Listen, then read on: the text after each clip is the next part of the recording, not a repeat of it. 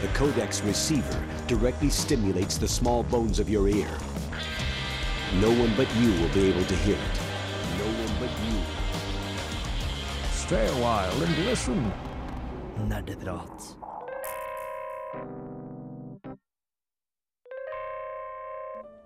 Velkommen skal du være til Nerdeprat her på Radio Revolt, studentradioen i Trondheim. For de som ikke kjenner oss, vi er programmet som snakker om alt det innebærer å være skikkelig nerd, og stort sett fokuserer vi på dataspill.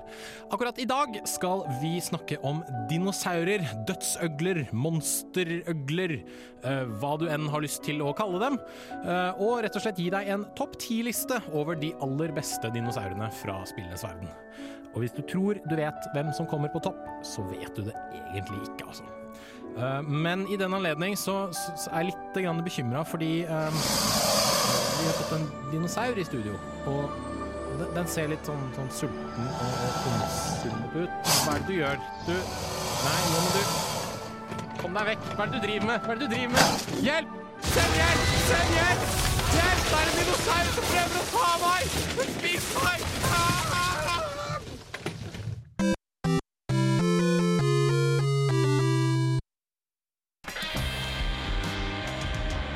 Codex receiver directly stimulates the small bones of your ear. No one but you will be able to hear it. No one but you. Stay a while and listen. Nerdeprat.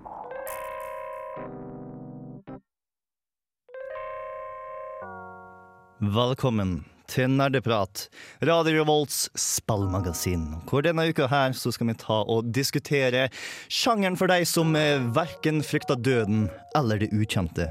Vi skal snakke om rogelikes, og vi skal ta og snakke om rogelights, som absolutt er sjangere som trenger definisjon. Men før vi skal ta og definere de sjangrene, så har jeg lyst til å definere hvem som er i studio med meg, de andre nerdene. Mitt navn er Bård Asta, og med meg så har jeg som vanlig Chris Monsen. Halla! Jeg har med meg Anders, som jeg ikke husker hatt navnet på. Hallo, hallo. Og Torben, som jeg husker like lite hatt navnet på. Jo, hei. Jeg har møtt og pugge. Men eh, yes. Eh, og eh, vi har vært ute i verden og spilt, og eh, jeg tror vi alle sammen har vært innom rogelikes i løpet av denne uka her, bare for å forstå hva sjangeren faktisk går ut på. Jeg klarer jo hver gang når jeg sier 'det er en roguelike', det er en nei, sånn, så sier dere 'nei, nei, nei', Kristoffer. Det er en roguelite. Nei, nei, det er en roguelite-lite. Nei, nei, nei, Kristoffer, det er ikke en roguelike. Jeg, klarer, ikke- jeg klarer bare ikke å finne ut uh, definisjonen av det. Liksom, jeg tenkte liksom jeg skulle spille det faktiske spillet Rogue for å finne ut hva en roguelike kan være, men det fikk jeg ikke tida til. Hva, hva? Anders, du prøvde å spille noe som definitivt er en rogelike. Oh, når du bare begynner å snakke om det sånn, så blir jeg lei meg inni meg, kjenner jeg. For eh, jeg hater Det er kanskje stygt å si det sånn på, på lufta, men jeg har fått et virkelig avsky for kortvokste mennesker i løpet av den siste uka. Jeg har spilt eh, Dwarf Fortress. Og jeg prøver å holde tårene tilbake nå, men eh, jeg, har jo, jeg snakker jo litt mer om det senere i sendinga, hvor, hvor fælt jeg syns det faktisk er. Eh, og, og det er jo på alle måter en, en roguelike for at det får deg til å føle deg helt for jævlig, synes jeg. Nå er det ikke nettopp det å få deg til å føle helt for jævlig som er greia med rogelikes, men eh, vi kommer tilbake til det litt mer akademiske etter hvert. Og vi kommer definitivt tilbake til Dwarf Fortress, som du har laget en sak for oss om. Eh, en sak har også Torben laga om hvilket spill? Pokémon Mystery Dungeon fra 2005.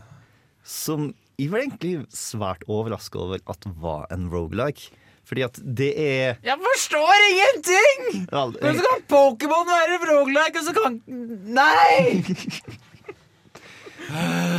Nei. Det, det, for å være helt ærlig, eh, Mystery Dungeon var liksom en Pokémon-spill som jeg aldri egentlig har tenkt på. Det var liksom Det var ikke standard-Pokémon, og det var ikke Pokémon Stadium som lot meg spille en hel haug med morsomme minigames, så da var det bare et av de Pokémon-spillene som egentlig ikke brydde meg så masse. Nei, jeg var jo faktisk i uh, Hvor jeg kjøpt det? Jo, jo vi var på sydenferie i uh, Spania, Tenerife. Så vi gikk innom en eh, elektrosjappe, og så Ja, det spillet der så jo kult ut. Eh, Pokémon uh, Mystery Dungeon, uh, Azul uh, Rescue. Cinco dollars. Så spilte det, og startet å spille det. Det var litt rart for meg, for jeg var jo, tenkte alltid på Pokémon som en sånt RPG.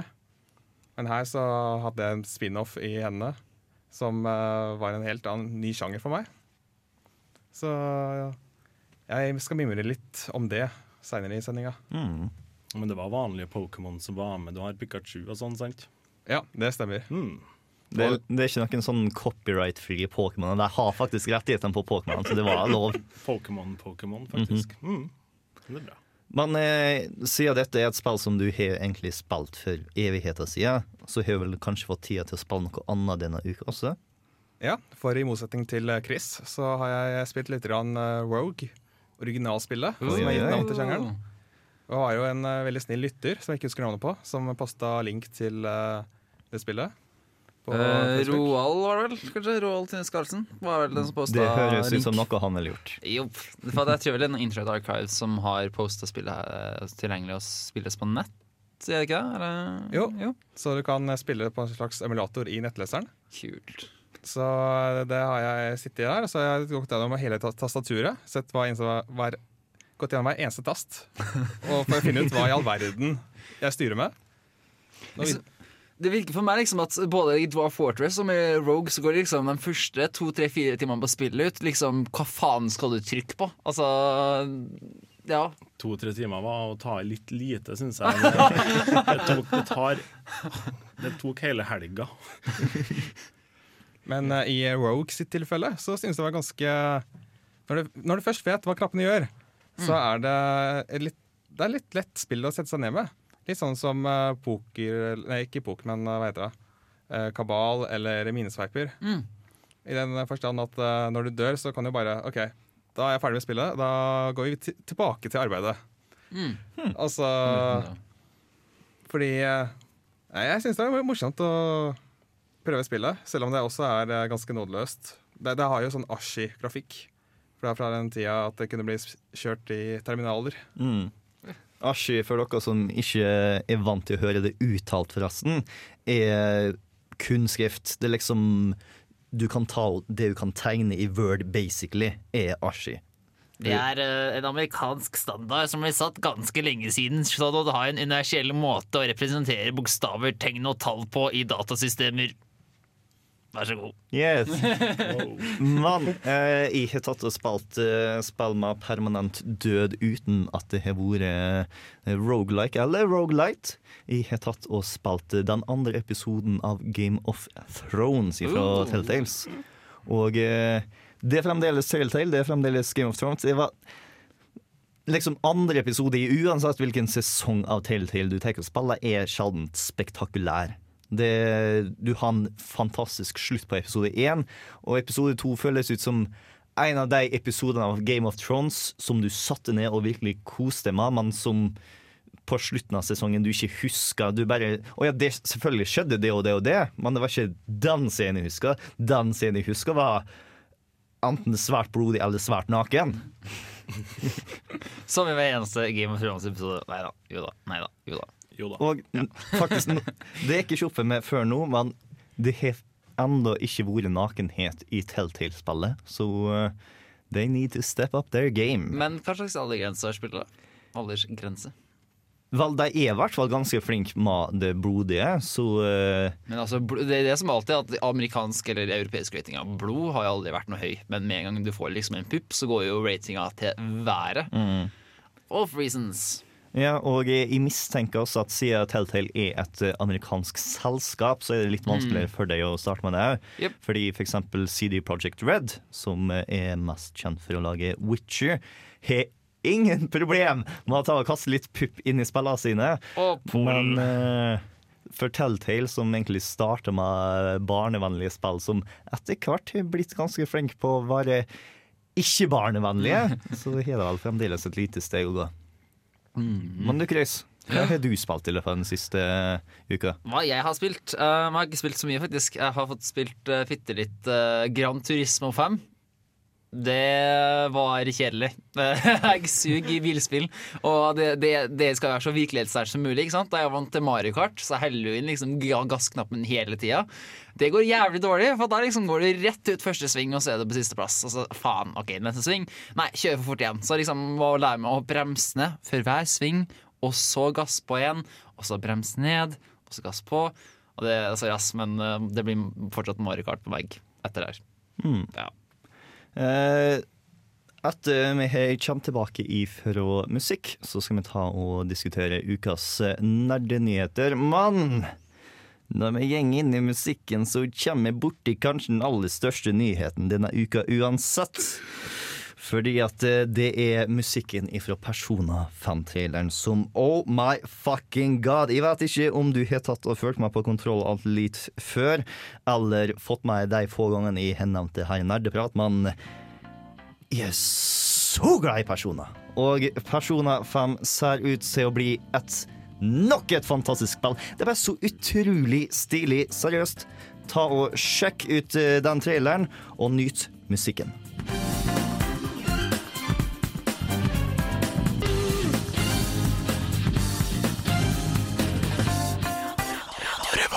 Sushi Meguro, som har stått for all annen personamusikk, kom tilbake for Persona 5 for å lage enda mer åsomhet. Eh, jeg vil absolutt anbefale dere å ta og sjekke ut IGN sin gjennomgang av Persona 5-traileren. De fant ut veldig masse kult. Vi legger en link til det i eh, dusken.no-artikkelen vår. Men nå skal vi ta og diskutere litt andre nyheter, fordi at det er litt vanskelig for meg å stå her alene og bare gusje over Persona 5. Det blir ikke god radio. Litt god radio. Men Chris, ja. hva har vi for oss? Eh, jo, det, hvis du husker den sykt trippy slash rare slash marerittaktige traileren fra i sommer eh, fra BioWare, som eh, ingen helt visste hva var i begynnelsen, men som senere kom ut at det var Shadow Realms. Og hvis du tenkte 'Å, oh, det her ser kult ut', så sorry, mitt, men det er kansellert. Eh, så om du meldte på testing av det spillet, så får du en eller annen kompensasjon som ikke er satt ennå, men det spillet der, sorry, kommer ikke ut. Det skulle være en slags Evolve-aktig greie, der du, der du har tre eller fire spillere som er slåss, eller som skal prøve å komme seg unna én hovedslemming.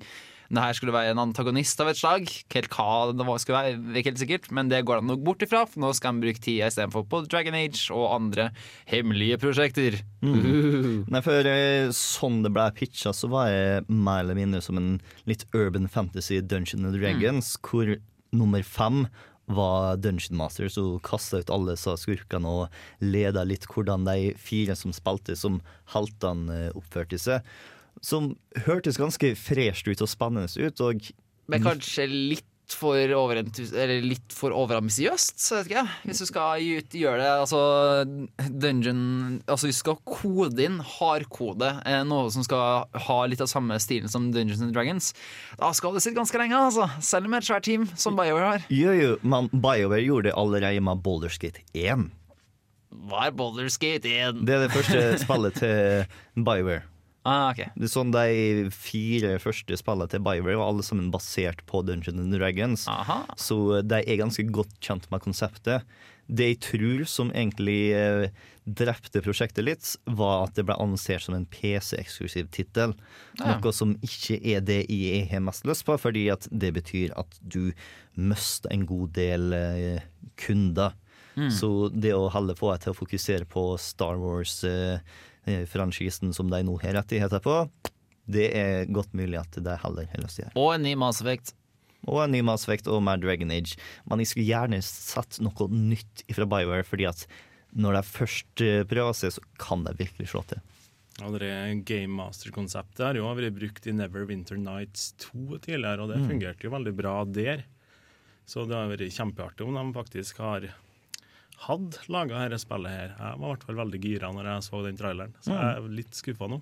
Ja, nei, det, det var liksom et spill som var litt lett å glemme ble annonsert. Fordi at det var stort sett bare BioWare som sa 'Dette lager vi', og så holder de kjeft i et halvt år, og så sa de 'Nei, bare kødda med'. Ha det. Men har du noe mer på lur, Chris? Jo, gutter, gutter! Har dere lyst på mer Activision-spill? Ja, Yeah, yeah, nei, men det er bra, for at nå skal det bli dobbelt så mange! For at nå forleden så hadde jo Activision la frem tallene sine fra i fjor. Og de kom fram til eh, No shit, Destiny, World of Warcraft og Heartstone har gjort det bra! What? Så det de skal gjøre nå, at de bare slett skal bare doble antallet Eller de sier det rett, rett ut, at de skal doble antallet utgivelser. Punktum. Nå, dette er Activision, og eh, hvis vi ser litt tilbake på de seriene jeg kjenner for, så er det to stykk som stikker seg ganske godt ut. Den ene heter Tony Hawk Pro Skater, den andre heter Guitar Hero. Yep. Og eh, det som var skjebnen der, var at de solgte det ganske godt, og Activision hadde lyst på mer. Så Så de de- ja. lagde mer, og mer enn én gang om året. Og så plutselig så var det ingen som har lyst på det lenger, og bare sjangeren døde ut. Fordi at eh, Activision har tatt og bare pakka altfor masse press på det som ikke kunne opprettholdes lenger. Altså, De har jo en ganske bra portefølje, både Activision og Activision Blizzard. Men uh, altså Jeg vet ikke, jeg synes ikke det passer akkurat som det er nå. Jeg føler at Hvis de tar og lager noe med nå, så kommer de til å Du har jo det standard eh, økonomibegrepet supply and demand, og det tror jeg kommer til å gi litt sånn oversupply hvis du skal begynne å doble antall trippel A fra Activision Blizzard slash Activision slash hva faen de heter. Eh, sånn at eh, Ja, jeg tror det kan bli litt for mye. Og altså ja, jeg skjønner ikke helt hvorfor de trenger å doble. Det ser jeg ikke. For altså, du har jo tall her. ikke sant? Heartstone 25 millioner registrerte brukere. Destiny 16 millioner registrerte brukere. Uh, Heart of the Storm, nei, Heroes of the Storm nei, sorry, uh, har jo 9 millioner som har registrert seg for betatesting. Altså, why do you need more games? Kan vi ikke bare fokusere på den du har? Fordi more games is more profit, i hvert fall enkeltes tanker. Men uh, hvis det ikke er snakk om sånne store trippel A-spill, men heller snakk om kanskje nye franchises og nye småspill, så vil det jo så vil det jo kanskje bare være en berikelse. Om, eh, om det ikke går utover kvaliteten, eller at det ikke metter et spesifikt Mm. marked. Det som jeg er litt bekymra for, er at liksom de skal begynne å lage liksom enda flere Call of Duty hvert år. Eller begynne å lage enda flere jeg vet ikke, World of Warcraft expansions, eller enda flere et eller annet. For da blir det et problem. For da, men hvis det kommer flere andre spill, absolutt, for all del. Men uh, det en sted må jo ressursene komme fra. Det har de jo. Men ja, det blir spennende å se. Tony Hawk kommer blant annet. Det skal bli en greie. Yeah. Eh, eh, Hero kommer tilbake. ja, det er, det er blitt rykta om det. Det er ikke helt bekrefta, men mest sannsynlig. Eh, det er litt bra, for jeg finner ikke plassgitaren min. Men eh, tja Om hvor bra det er eller ikke, det vet jeg ikke. Altså, jeg har ikke noe imot at uh, Gitar og den kommer tilbake. Det som bekymrer meg, er at jeg har ikke lyst til at den fiaskoen skal skje igjen fordi at jeg ikke har lært leksa si. Og dette er sånn de som De bare skriker ut 'Vi har ikke lært leksa vår! Nå kommer vi tilbake with a vengeance!' Så, oh, shit. Så hvilken gitarhero-band er det som jeg kommer til å ha sånn 18 000 kopier bak på lageret, som jeg tenker å selge for 20 kroner etter et halvt år? Product placement from game Yes. no. Det var implisitt, men du gjorde det eksplisitt at det er på Game i Munkegata du burde gå for å ta og kjøpe spillene dine. Ikke betalt av Game på Munkegata, kun fordi Bård jobber der. Men dette er smånyheter i forhold til den vi kommer til å dedikere mesteparten av eh, nyhetsdelen av denne uka her. For hva er ryktebørsen vil ha til, Chris? Nei, gutter, gutter, liker dere Netflix? Sure. Gutter, gutter, liker dere Selda? Ja. Gutter, gutter, har dere likt Netflix pluss Selda er lik sant? Merkelig matte. Ja, for det at det rykta går om at Netflix skal lage en Zelda-serie. Aha. Så det som er planen er at de skal, altså det, er ikke, det har vært rykter som har kommet fra The Wall Street Journal, men The Wall Street Journal er ganske vanlig kjent for å ha ganske kredible kilder. De er ganske presseetiske av seg. Ja, Sånn at sannsynligheten er stor for at Netflix nå de på enten skriver, eller de driver kanskje å caste også, de begynner å forhåndscaste litt. Ja, Casting tror jeg er litt vel ute, fordi at eh, det som har blitt annonsert, er at de er på utkikk etter en skribent. Og at dette er i veldig oppstartsfasen. Så det er ikke umulig at om sånn ett år så hører vi Å ja, husker det de Netflix-rykten? Nå har Nintendo bestemt seg for at dette ikke blir noe av fordi at de Nintendo ikke har lyst til at noen andre skal holde på med Nintendo. Men kanskje? Kanskje? Ja, vi, vi husker jo hvor godt det gikk sist gang at det ble laget TV-serie med The Legend of Zelda. Well, excuse me, Torben. Men Jeg syns den var ganske morsom. Jeg. Den var altså morsom dårlig, da, men uh, den var ganske Ja, den kunne vært bedre. Ja, da. Det er litt som å si at vi ikke kan ta og ha noe mer eh, Transformers eller G.I. Joe, fordi at de eh, TV-seriene var litt vel sånn. Ikke det at det hjelper på noen som helst måte med de filmene vi fikk, men ja, ja. Hva var poenget mitt igjen? Så du har jo Super Mario-filmen fra 1992, er det? 92 eller 94, med Bob Hoskins. Og Det er jo en fantastisk film, så hvis de klarer å legge seg på den kvaliteten, eller bedre, så er jeg supergira. Jeg liker pitchen som blir gitt om selve scenen her, og det er som et Game of Thrones for et familiepublikum. Og her er spørsmålet Hvordan i helvete lagde Game of Thrones for et familiepublikum der Game of Thrones er sånn 90% nakenhet og folk blir brutalt myrda hvert andre sekund? Vel, vi har det allerede vi kaller Ringenes herre.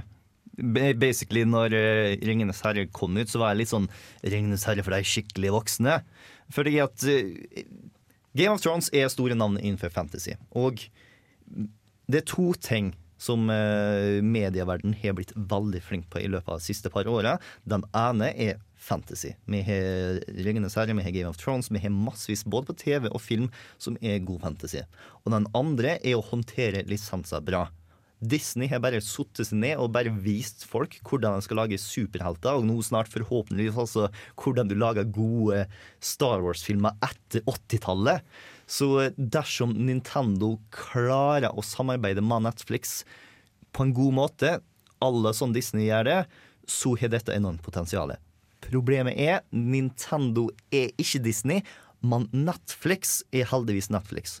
Fordi at det er det at det ble annonsert at det skulle skje på Netflix, er det som fikk meg mest gira. Fordi at det har skjedd på sånn HBO eller NBC eller ABC eller noe annet sånn eh, amerikanske kanaler, så har jeg vært litt sånn nje, nje. Fordi at de har sine spesifikke målgrupper, fordi at de har sine spesifikke måter å lage noe på. Mens Netflix er for alle. Du finner alt på Netflix, så Netflix tenker ikke sånn Jo, jo, men vi er størst blant eh, gutter mellom 18 og 30, så vi tenker å lage noe for deg. De tenker med Netflix har vi lyst til å bli underholdt, så kommer du til oss. Og hvis vi har lyst til å underholde, så lager vi det vi vil. Derfor så har du alt ifra eh, Game of Cards til eh, House of Cards. House of Cards, unnskyld. Game of Game of Cards. Cards. Det har vært en eh, morsom crossover. Yeah. House of Thrones. til uh, Bojack Horseman, som er veldig bisart for de som ikke liker sånt. Men jeg tror at Netflix har muligheten til å behandle denne lisensen med respekt, og jeg tror at du trenger å behandle lisensen med respekt for å kunne overtale Nintendo til å gjøre noe som helst. Så eh, det er Netflix som jeg tror har minst fallfare når det kommer til alle sammen som lager amerikansk TV for øyeblikket. Thumbs up. Er det noen andre som har tanker på hvordan eh, en TV-serie av The Legend of Zelda burde se ut? Ja, eller eh, for den saks skyld høres. Fordi at vi har jo i mange spill vært vant til at Link ikke sier noe annet enn Han han snakker hovedsakelig når han blir truffet, og når han hopper. Sånn. Så hva, hva, hvordan skal man løse det i en uh, spille, i en serie? Lage et eget språk. Altså, Kombinasjon. så jeg har bare nødt til å si at det at Link er nødt til å være stum, er Men folks, en- i stedet for morsekode, så har du «Hø! Ja! Som eh, ingenting, og som uh, Et som kort signal og lang signal, og så bare oversetter du, så har du et sånn helt fanmas rundt det. Hæ? Hæ? Men det jeg er mest gira på, det er at de får inn en sånn fanservice. At de bare får inn sånn Hei, listen! En eller annen plass, enten i introen eller en plass i serien. Det er det. Det kommer definitivt til å være fanservice i Zelda-serien. Det, det er det ikke et spørsmål engang. Men, Fan Runkus Maximus. men måten de kommer til å løse Link på, de har nødt til at han skal snakke. Han er hovedkarakteren. Du kan ikke ha hovedkarakteren stum hele tida. Da er du nærmere Arthouse enn eh, underholdning. Mm, Det som er skummelt, er at er altså, Jeg vet ikke om det er et bra eksempel, men eh, det var en fanfilm som ble laga av The Legend of Zelda som var skikkelig bra. Skikkelig Hadde ganske bra produksjonskvalitet, da, som ble laga for en ganske god del år siden. Eh, og den hadde holdt på i tre-fire år, da.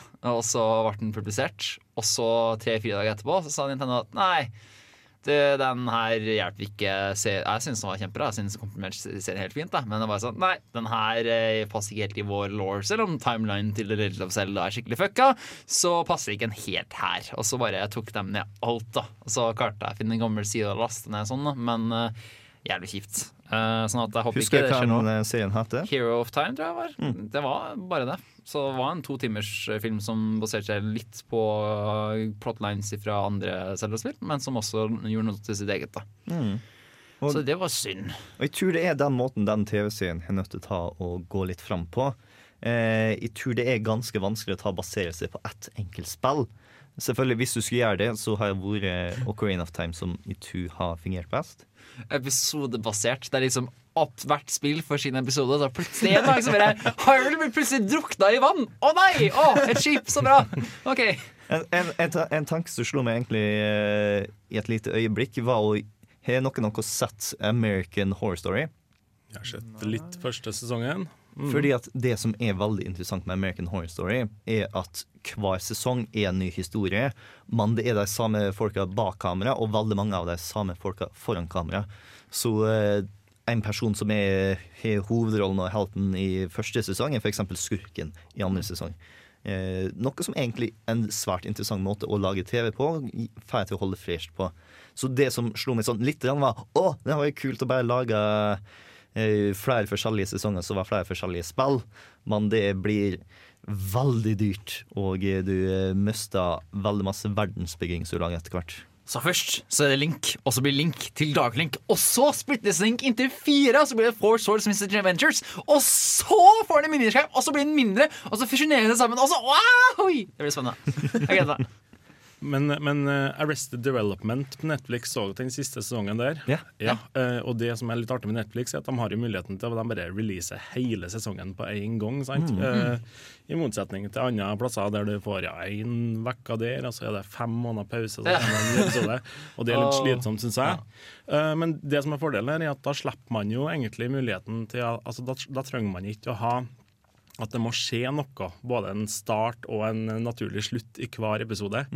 Du detter litt bort fra Monster of the Week og de greia der, så du kan egentlig holde en ja, holde handlingen handling i gang da, over en hel sesong eller ja, resten av livet mitt, som jeg egentlig håper Ja. Takk mm. Ja, nei, for det er det som er veldig masse problemer når du drar på nettverkssted og sånt. Det er veldig masse interessante historier som ikke blir fortalt skikkelig.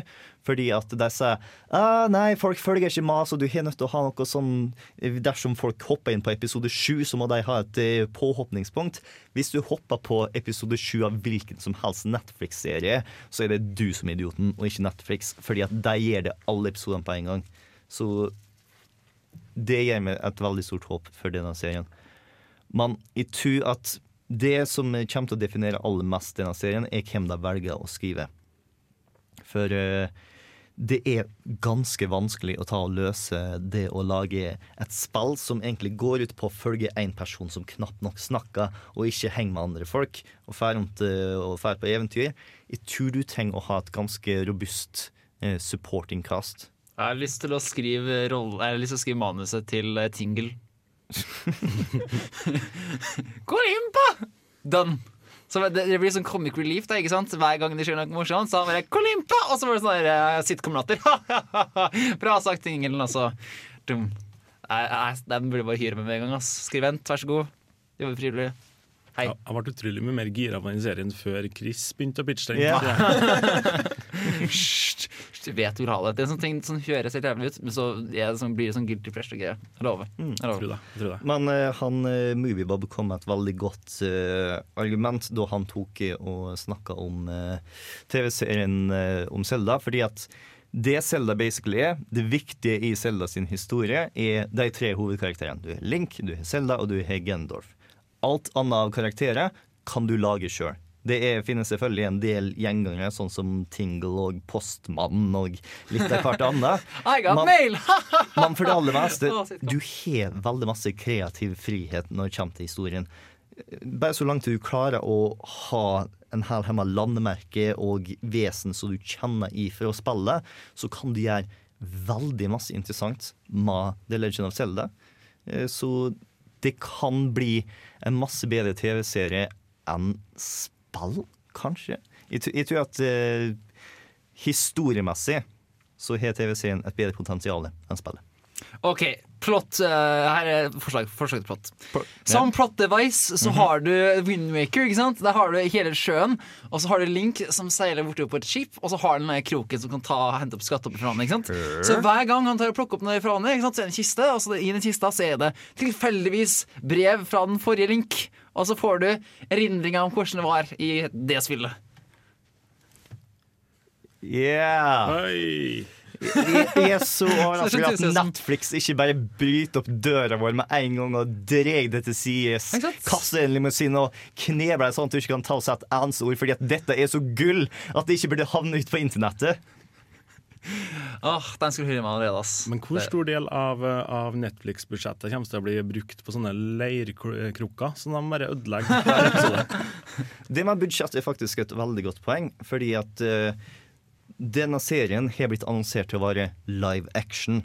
Eh, Og eh, jeg har egentlig foretrukket at det skulle vært animasjon, ikke fordi at animasjon er bedre i seg sjøl, men fordi at eh, du har massevis av fantastiske vesener. Sora, Goron, Dekus, massevis av monster, massevis av magi, som blir enklere å implementere lett i verden når alt sammen er animasjon, enn når du har nødt til å ha mesteparten av budsjettet går til CGI.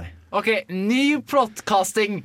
Hva med om Legends of Zelda-serien blir en CSI-greie? Link Pot Smashers eller noe sånt, ikke sant? Solving Crimes. Mm? Jepp, jepp. Det der har dere den, folkens. Link kommer til å være CSI på Netflix. Jeg lover. Og hver gang han tar finner tak i hvem som eh, var potteknuseren, I guess, så kommer Tingle bare hoppende ut fra fra ingensteds og sier er limpa?' Og så ruller tekst. Yep. Netflix, vær så snill, ta Chris ifra oss. Jeg egentlig håper at Hanna skulle tatt og komme inn dit nå, fordi at sånn hver gang hun kommer for sent til uh, sending, så er det alltid noen nyheter som hun blir veldig lei seg for å ikke kunne ha diskutert. Og jeg mistenker at Selda TV-serien er en av de uh, tinga, men nei. Synd for hun. Jeg håper at dere fikk i hvert fall noe vedtukt ut av dette. Ikke altfor masse, sannsynligvis. Men i hvert fall noe. Eh, Vi skal ta og diskutere Rogue Likes og Rogue Lights. Hva er forskjellen på det alt mulig rart, etter at vi har hørt Fairy Song av Hylene Assemble.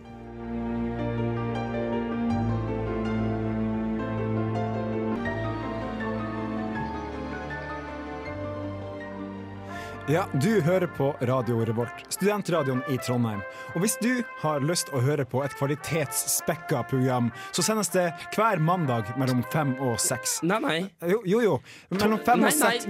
Det er tre dudes, en dame og utrolig god underholdning. Ja, stemmer det. Ja, Det er Filmofil torsdager klokka, klokka åtte til ti. Ja, nei, det er nok allerske mandag fra fem til seks. Nei. Mandag. Hver mandag. Nei, jeg er opptatt av mandager. Elsker mandag. Mandager fem til seks. Og Filmofil hver torsdag mellom åtte og ti. Hør sendingen live på dusken.no, eller last ned podkast fra iTunes.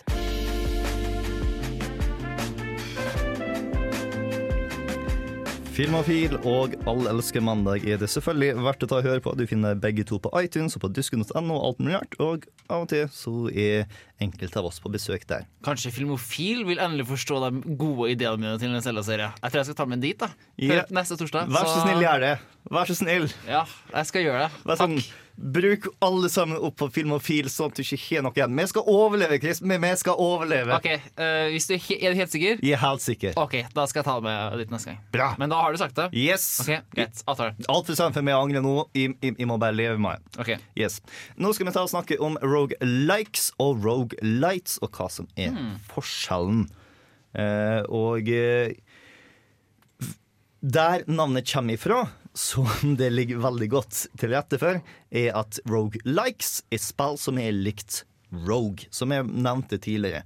Det er ikke Ironisk nok så er det ikke det aller første rogelike-spillet. Det kom faktisk ut som to spill som passer sjangeren før Rogue kom ut. Men det var det som gjorde det best på det tidspunktet. Akkurat som eh, tilbake i tida, så ble FPS-er, altså First Person Shooters, referert til som Doom-krone. Mm, ja, ja, Mm -hmm. Og eh, jeg synes også det er litt synd at Rogalikes ikke har fått sitt eget navn, fordi at det har vært litt merkelig dersom jeg den dag i dag eh, snakker om hvem som er den beste Doom-kronen.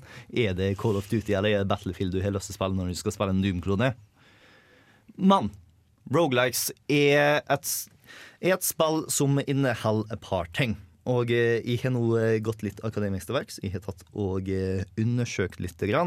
Og jeg har funnet definisjonen på Rogelikes, Som bestemt i 2008 i Rogelike Developer Conference. I først i 2008. Nå ble Rogue eh, Nå ble det greia.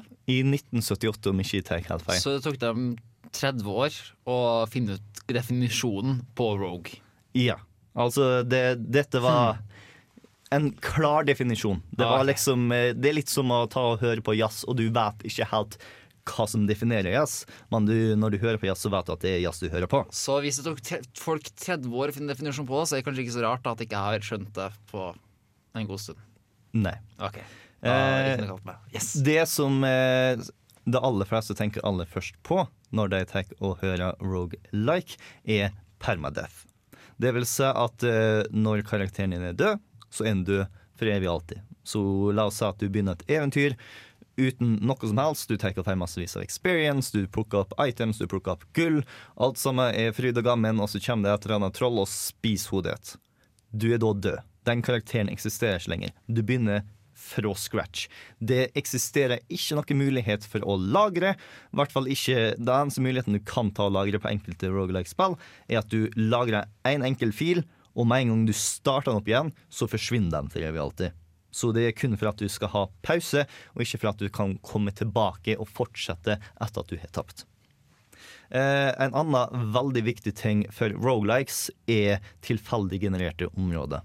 At eh, når du tar og feier ned et nytt område, så har du ingen anelse hvilken vei som er den riktige veien for å nå målet ditt, hvor du kan ta finne tak i items. Sjøl ikke hvilke items som er mulig å finne tak i for øyeblikket, fordi at det er godt mulig at den pistolen som redda eh, rumpa di sånn tusen ganger sist runde, kanskje ikke engang er med i denne gjennomspillinga her.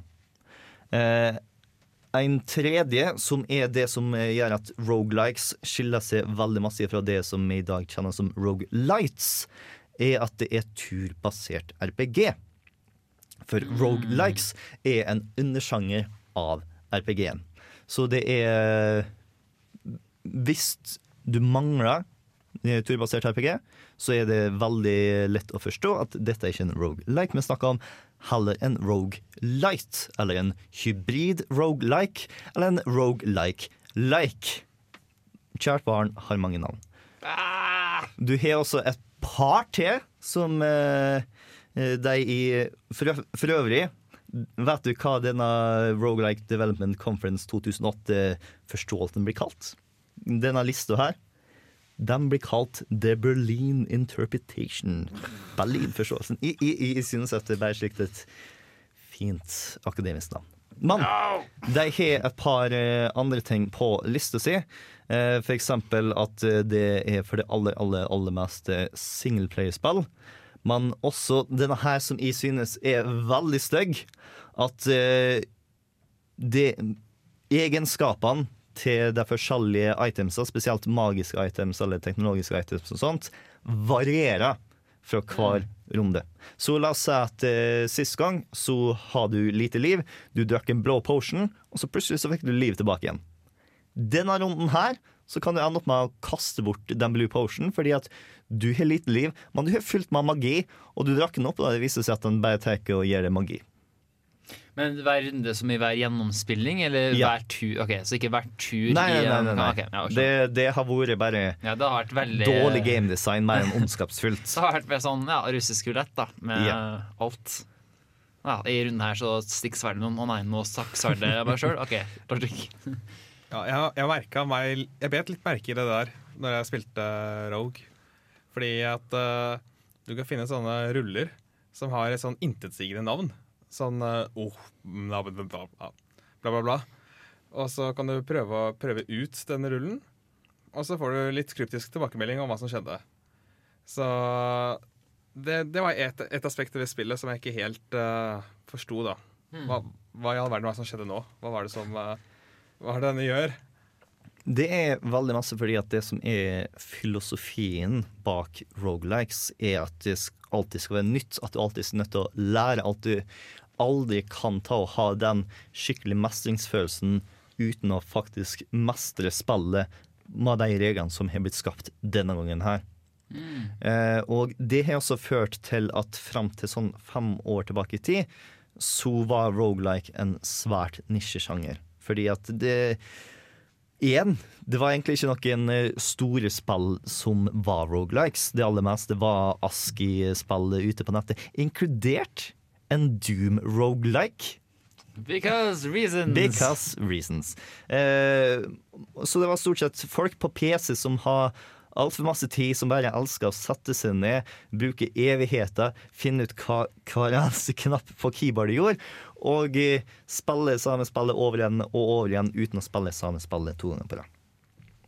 Men så skjedde det noe i 2009, fordi at da kom Spelunky ut, som tok og populariserte Rogue Lights. Og du har spilt en god del Spelunky, Chris. Ja. Kan du ta og beskrive for lytterne? Ja, ok. Eh, Spelunky var et spill som jeg spilte veldig mye i kollektivet mitt i fjor. Et spill som kan veldig lett plukkes opp av alle sammen, selv folk i kollektivet mitt som aldri hadde spilt noe særlig før, kan plukke det opp. Basically, det er lett å lære, men dritvanskelig å mestre. Det du skal gjøre, er at du starter på toppen av ei gigant, eller en skikkelig dyp grotte.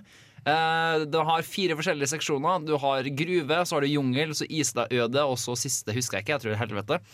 Eh, og det som er catchen, er at alle de fire forskjellige områdene her blir tilfeldig generert hver gang. Så det ser tilfeldig ut hver eneste gang. Du har noen faste elementer, som at du har items som gjør det samme hver gang. Som forandrer ikke egenskaper eller noe sånt.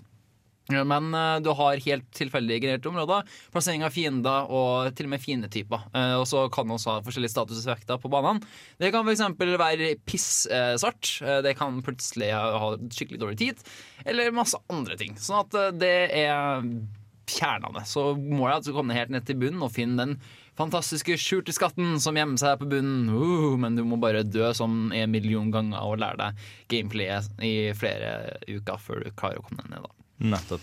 Og eh, som dere kanskje fikk ut av eh, denne monologen, Spelunky har permadeath, Mm. og Spelunky har tilfeldig genererte områder. Men gameplay er ikke eh, turbasert RPG. Jo. I stedet så er det Real time platforming. Yes, Det er nærmere Mario enn det er Final Fantasy. for å si det sånn. Så det å gå bort ifra den allerede nisjesjangeren av uh, turbasert RPG til noe som er mer tradisjonelt eh, allment akseptabelt, sånn som Super Mario, førte til at flere og flere folk fikk øynene opp for eh, filosofien bak rogelikes. Eh, det fulgte et par andre titler som eh, jeg vil anta at de fleste har hørt om i åra som kom. I 2011 så kom The Binding of Isaac, som tok eh, permadeath og tilfeldig genererte områder, og la det til twin stick-shooteren. At du tenker å bevege med henne og tenker å skyte i hvilken som helst retning med den andre analogstikken din. Du har Faster Than Light, som eh, var at du reiste rundt i rommet, tok og valgte hvilken eh, vei du ville ta og fare framover. Uh, tok og oppgraderte med de ressursene som ble tilgjengelige for det. Uh, og det som er interessant med Spelunky, The Binding of Isaac og Fase The Night, er at alle sammen har en slutt. Fordi at det var ikke typisk i uh, Rogalikes. Der så holder du på helt til du døde, fordi at døden, sånn som skatt, er noe som ikke kan unngås i rogelikes. Men i rogelights så er det litt mer det å oppnå noe, det å ha et mål du faktisk kan klare. Komme deg over den kneika, og så bare se en rulletekst eh, som tar og fører til at flere folk har lyst til å spille. Fordi at det å legge fra seg et spill fordi at du er lei av det, og legge fra seg et spill fordi at du har runda det, gir en helt annen type ettersmak.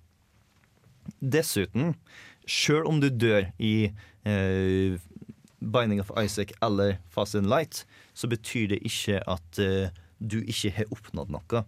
Fordi at eh, det er mulig f.eks. i Fast and Light at du har kart Selv om du ikke karter siste bossen, så kan det være at du karter to utfordringer med et skip. Noe som fører til at du har unlocka et nytt skip med en ny spillmåte. At du hele tida kan føle at du har progresjon, til tross for at du mister denne progresjonen når du tar og går gjennom spillet. Så du får, i, i, liksom, i kontrast til Rogue, og ikke Rouge, som jeg lærte her forleden, uh, så det føles som at når du dør, så bare sånn joink, eh, Du bare fjerner alt, og alt er på nytt. Mens i Rogalights så har du da Å ja, du brukte tid på spillet vårt, du får en premie. Mm. For eksempel det er den rogelighten som jeg spilte nå litt i det siste, som jeg håper på at vi skal få lage en eh, Let's Play av før eller senere, som eh, vi skal ta og høre litt musikk av etter hvert. Crypt of the Necrodancer. Så er det sånn at eh, jeg har ikke kommet meg gjennom første sone ennå, men jeg har unlocka litt av hvert, fordi at eh, jeg tar og får nok diamanter, sånn at når jeg dør, så drar jeg til kjøpmann og kjøper muligheten til at bedre våpen og utstyr dukker opp i kisten. Jeg får ikke dem når jeg begynner, men jeg får muligheten for at de kanskje dukker opp. Hvis jeg er flink nok til å finne dem.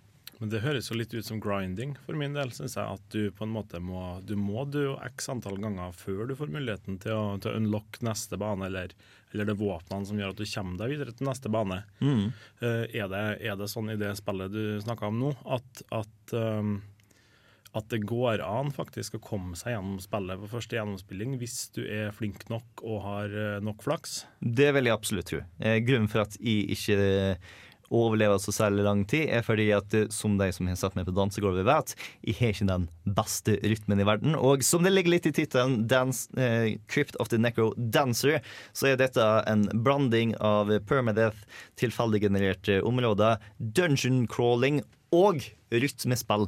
Fordi Ja. at eh, du skal hoppe i takt med musikken, og fienden tar og beveger seg i takt med musikken. Så hvis du er flink nok til å ha takt, så kan du ta og eh, drepe en drage med en liten dork uh, uten å bli skadd en eneste gang. Huh. Det er bare det at jeg er ikke flink.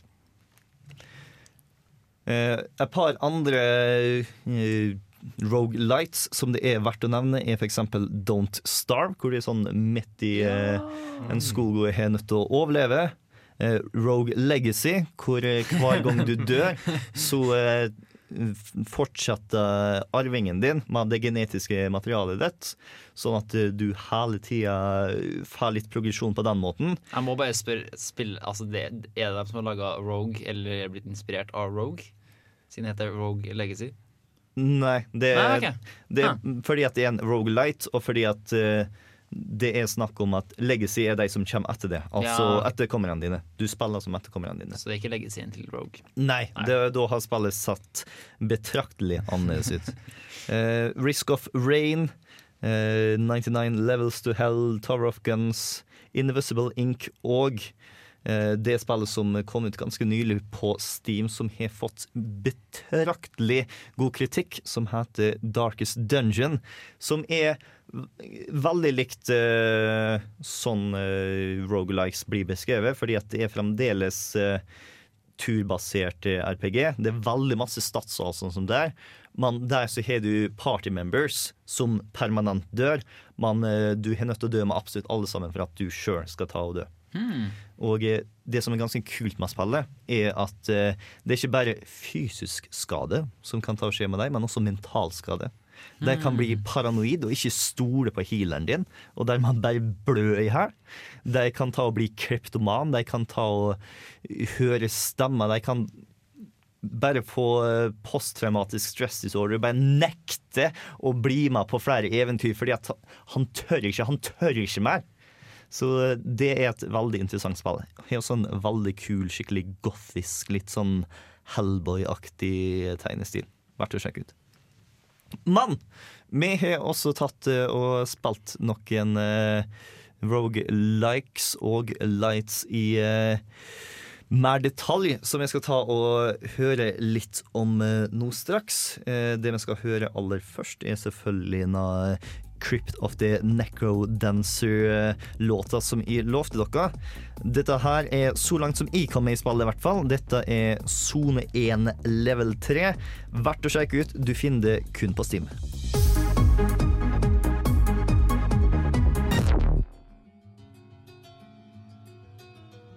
Jeg har fått i oppgave å se nærmere på Dwarf Fortress. Det er en oppgave jeg sjølsagt tar på meg med glede.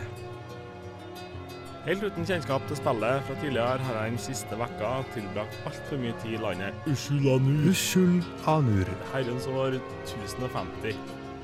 Ushul Anur. Ushul I Anur. en tilfeldig generert verden, sammen med mine sju dverger, har jeg som den snehvite kopien jeg er, prøvd å bygge en festning for å overleve det ugjestmilde drakta rundt fjellet. Cradle Rim. Dette er i og for seg helt greit, og gjenfortalt som dette her, så høres det jo faktisk litt spennende ut. Det er bare det at for meg, som er en helt fersk spiller, er alt så grunnjævlig uoversiktlig.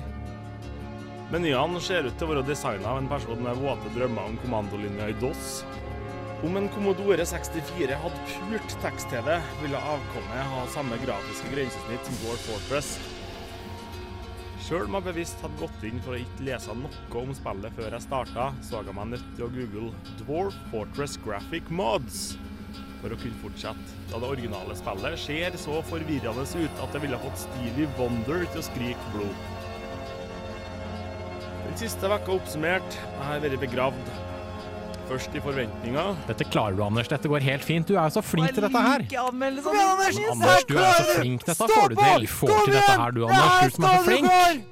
så informasjon om Dwarf Fortress, og sist under fjellet Cradle Rim, sammen med ekspedisjonsleder Bim Sein Bim Saneguar. og resten av den kortvokste reisefølget. Etter å ha valgt en destinasjon å bygge festningen, ble jeg kasta ut i en haug med menyer. Så langt er det kun navnet på spillet som har gitt meg en indikasjon på hva jeg faktisk skal gjøre. Utrusta med ei forståelse fra andre spill og media om at dverger liker å grove hull i bakken, de liker gull, og de liker øl, så setter jeg i gang. Jeg blar meg gjennom menyer som Nobles and Administrators, Status, New Announcement og Building. Men jeg vet ikke helt hva jeg skal gjøre. Etter hvert skjønner jeg at designations, altså mine, altså hurtigtast, DD, betyr at jeg kan beordre dvergene mine til å grove seg innover i fjellet. Men det skjer ingenting. Med et ønske om å grove meg dypt inn i et fjell, ender jeg bare opp med å grove meg dypere og dypere ned i menyer. Med frustrasjon så går jeg ut av menyene og lar spillet stå i bakgrunnen en stund, og håper jeg at det skal skje noe. Det her er Dwarf Fortress oppsummert. Det tok meg faktisk fem timer av livet mitt å finne ut at jeg hadde satt spillet i pause. Men når det er sagt, å faktisk få til å bygge min første festning og se befolkningstallet øke, ga meg en følelse av tilfredsstillelse. Men i Dwarf Fortress skal det vise seg at å tape skal være artig. Så min første sivilisasjon ble avslutta like brått som den starta. Og jeg vet fortsatt ikke hvordan det skjedde. Lell er jeg overraskende nok gira på å fortsette å eksperimentere med masochisme, og vil nok bli sittende med dette spillet i flerfoldige timer utover. Dette er et spill som setter din tålmodighet på prøve. Og om du ikke vet hva et elsk-hat-forhold er, så gir Dwarf Waters deg brå innføring i det.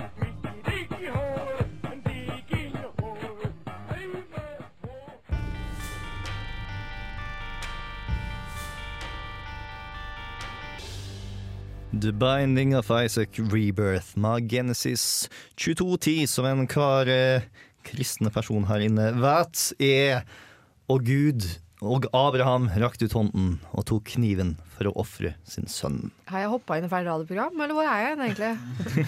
Du er inne i Rogelikes-sendinga vår. Å, ok. Yes. Eh, hei, Hanna. Hallo! Du kom for sent. Ja, Yeah. ja, jeg har et liv. Jeg tulla. Jeg har vært på jobb eh, lenger enn vanlig. Som alltid. Mm. Men la oss snakke litt om ta livet som Anders satte til side for å ta og uh, se på tekst-TV. Eh, hvordan Altså, for nå had, Hvor mange timer har du på dette tidspunktet putta inn i Dwarf Fortress? Eh, skal vi se, nå må jeg tenke meg om her. Men jeg, eh, som sagt så tok det jo fem timer før jeg fant at spillet faktisk sto på pause. Eh, ti timer tror jeg faktisk jeg har brukt over den siste uka på dette her. Og føler du at du har kontroll nå? Jeg har på ingen måte kontroll. Eh, jeg, jeg setter meg ned og prøvde litt nå etter at jeg har laga anmeldelser av spillet. Og da innså jeg at hei, eh, i tillegg til en X- og Y-akse, så er det jo en Z-akse, og man kan grove seg nedover og oppover. Så, så jeg har så vidt eh, kommandert eh, noen av dvergene mine nå til å grove seg nedover i bakken. Så satser jeg på at det kanskje finnes mindre skumle ting nedi der enn på overflata. Mm. Nei, for En ting som jeg lurer litt på Når jeg tar og ser på Dwarf Fortress, så føles det litt som jeg tar og ser på Matrix-koden. Det burde være noe jeg kunne ta og forstå der nå, men alt sammen er bare tegn i forskjellige farger. Eh, Hvor lang tid tok det før du klarte å se dvergene og alvene? Dvergene er jo eh, i det originale, uten sånn grafikkmodder og sånn, så er det jo bare sånne smilefjes som driver og hopper rundt på skjermen. Og det ble jeg lei av ganske fort, så jeg lasta ned en grafikkmod. Jeg kommer ikke på hva den heter akkurat nå. Eh, Jeg kan sikkert legge ut en, en link til den eh, modden, eh, modden etter sendinga. Og da bytter du ut de smilefjesene med sånne små, små, dvergemanner som ser litt ut sånn som nissene fra Runescape eller noe sånt. De ser jo fortsatt helt forferdelig ut, men det er i hvert fall enkelt å se forskjellen på et tre og en nisse, skal jeg si, en dverg. Mm. Så, så da, eh, da ble det jo litt enklere. Nå, nå ser du jo at det, er- at det er husdyr som hopper rundt, for det er sånne små hunder og katter og sånn som finnes på, på kartet. Mm. Så eh, ja, eh, når jeg lasta ned den grafikkmoden, så har jeg oversikten. Jeg vil bare, når noe sånn et Matrix-kodebord, så vil jeg bare sitere The Spoonboy fra The Matrix, som sa som kjent Do not try and bend the spoon. That's impossible. Instead, only try to realize the truth. There is no spoon. Then you'll see that it's not the spoon that bends, it is only yourself. Jeg føler faktisk at dette treffer meg veldig godt. Nei, men, men jeg, jeg, gikk jo, jeg gikk jo inn, jeg prøvde jo å gå inn fullstendig uten, uten fordommer og forforståelse her for å, for å spille det spillet. Og tenkte at ja, jeg har jo hørt utrolig mye rart om det, og så nevner jeg det for noen kompiser. Hei, jeg skal spille Dwarf Fortress, og bare sier de til meg, da. Som, altså, det var en sånn hånlig latter som at 'Anders, nå har du gjort noe dumt'. Og så nevner jeg for andre folk. De er sånn 'Ja, dette er jo kjempekult, du kommer til å kose deg kjempemye'. Eh, så da er det jo litt sånn blanda følelser jeg går inn i det. Eh, og jeg, jeg føler at jeg på en måte kanskje har utvikla en form for Stockholm-syndrom i forhold til spillet. For at nå, nå er det jo litt artig.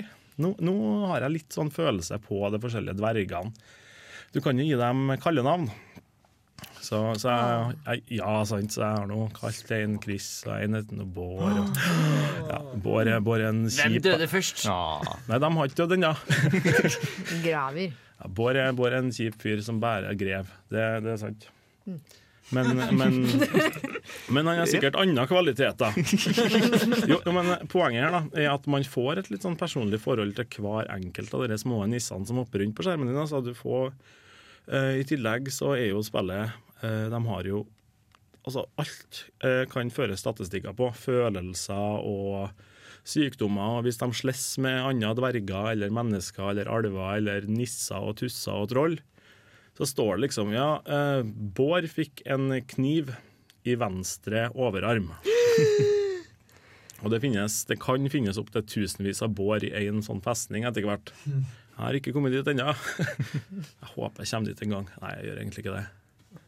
For alle vet at det ikke trengs damedverger for å formere seg, så de bare popper opp overalt. Å nei, det du vet. Det finnes faktisk dvergedamer i, i Dwarf Fortress, og det er det som er litt interessant der. For det er dvergene vi er kjent med, type sånn Gimli og, og de rødhåra dvergene i, i Warcraft og sånn, de er ikke sånn som dere der i hele tatt. De er like sutrete som, som de eh, folkene du styrer i Sims-spillene. Så litt sånn dvergene Sinnataggen, da, egentlig. Ja, eller, eller, eller Big Brother med dverger. Det er litt sånn. For, eh, for en, en av de største grunnene til at sivilisasjonen din kan gå under, det har jo ikke noe med at alle sammen dør i en flom, eller at det kommer noen og eter dem opp. eller noe sånt. Det er bare det at de blir sinna på hverandre, og så dreper de hverandre til slutt.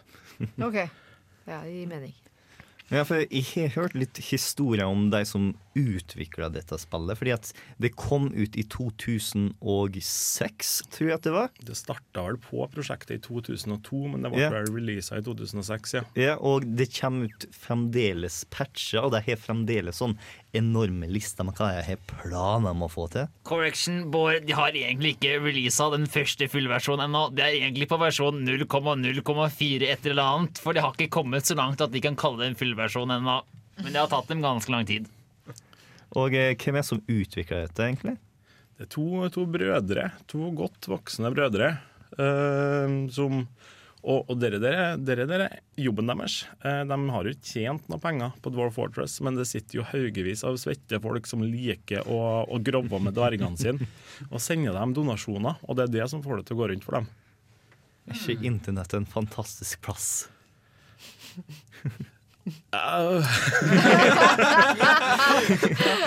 og mens vi tar og tenker på hvor fantastisk internettet er, så skal vi ta og nyte litt musikk før vi hører på Torben sin introduksjon til eh, Pokémon Mystery Dungeon for alle av oss som ikke har vært borti den serien før. Eh, vi skal høre på enda mer eh, rogue-like, eller rogue-light-musikk. Denne gangen så er det fra Risk of Rain-soundtracket. Og grunnen for at de valgte denne låten istedenfor en annen låt på soundtracket, er fordi at de til å se tittelen, som er Double Fucking Rainbow.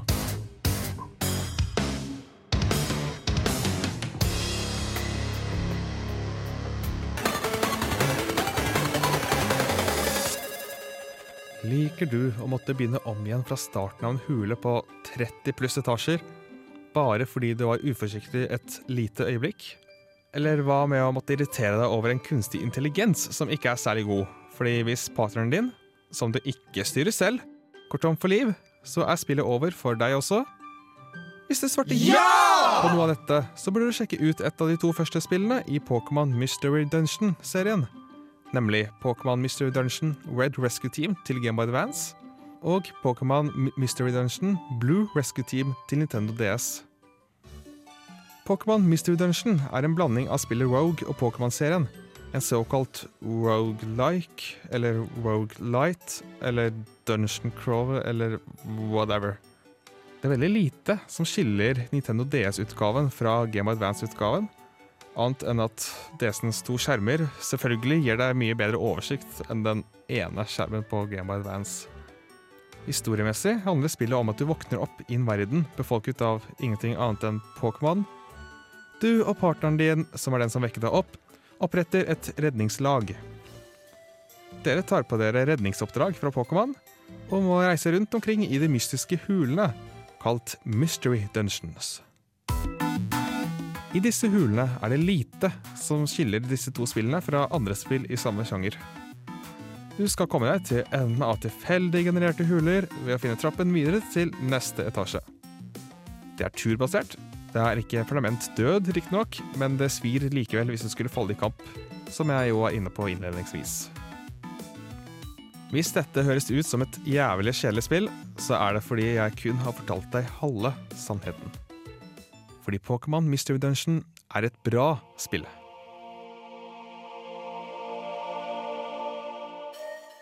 Spillmekanismen, musikken og historien spiller på lag og gjør hverandre gode. For der mange spill har en historie som foregår i historiesekvensene, og en annen historie som fortelles gjennom spillingen, får det her servert et helhetlig narrativ. Pokémon Mystery Dungeon er et spill om vennskap. Om hvordan vi sammen kan komme oss gjennom så mye mer enn vi kan alene. At selv hvis hele verden snur seg imot oss, selv når store, legendariske Pokémon angriper oss av rent prinsipielle årsaker, så kan vi klare oss. Det handler om at det er ingenting som gjør mer vondt enn å måtte ta farvel med partneren din, som du har delt alle dine opplevelser i denne verdenen med. Pokémon Mystery Dungeon var det første spillet jeg spilte som rørte meg til tårer. Alt i alt så er Pokémon Mystery Dungeon Red Rescue Team og Pokémon Mystery Dungeon Blue Rescue Team spill som står med beina godt planta i roguelite-sjangeren. Det bruker også spillmekanikkene til å fortelle en historie om vennskap. Men jeg tror også det handler om ignoranse. Hvor feil du kan ta når du kun har hørt en liten del av den store sannheten. Hvis du har lyst til å prøve roguelite, og du også er fan av Pokémon av noe Game Boy Advance, så kan dette være spill for deg.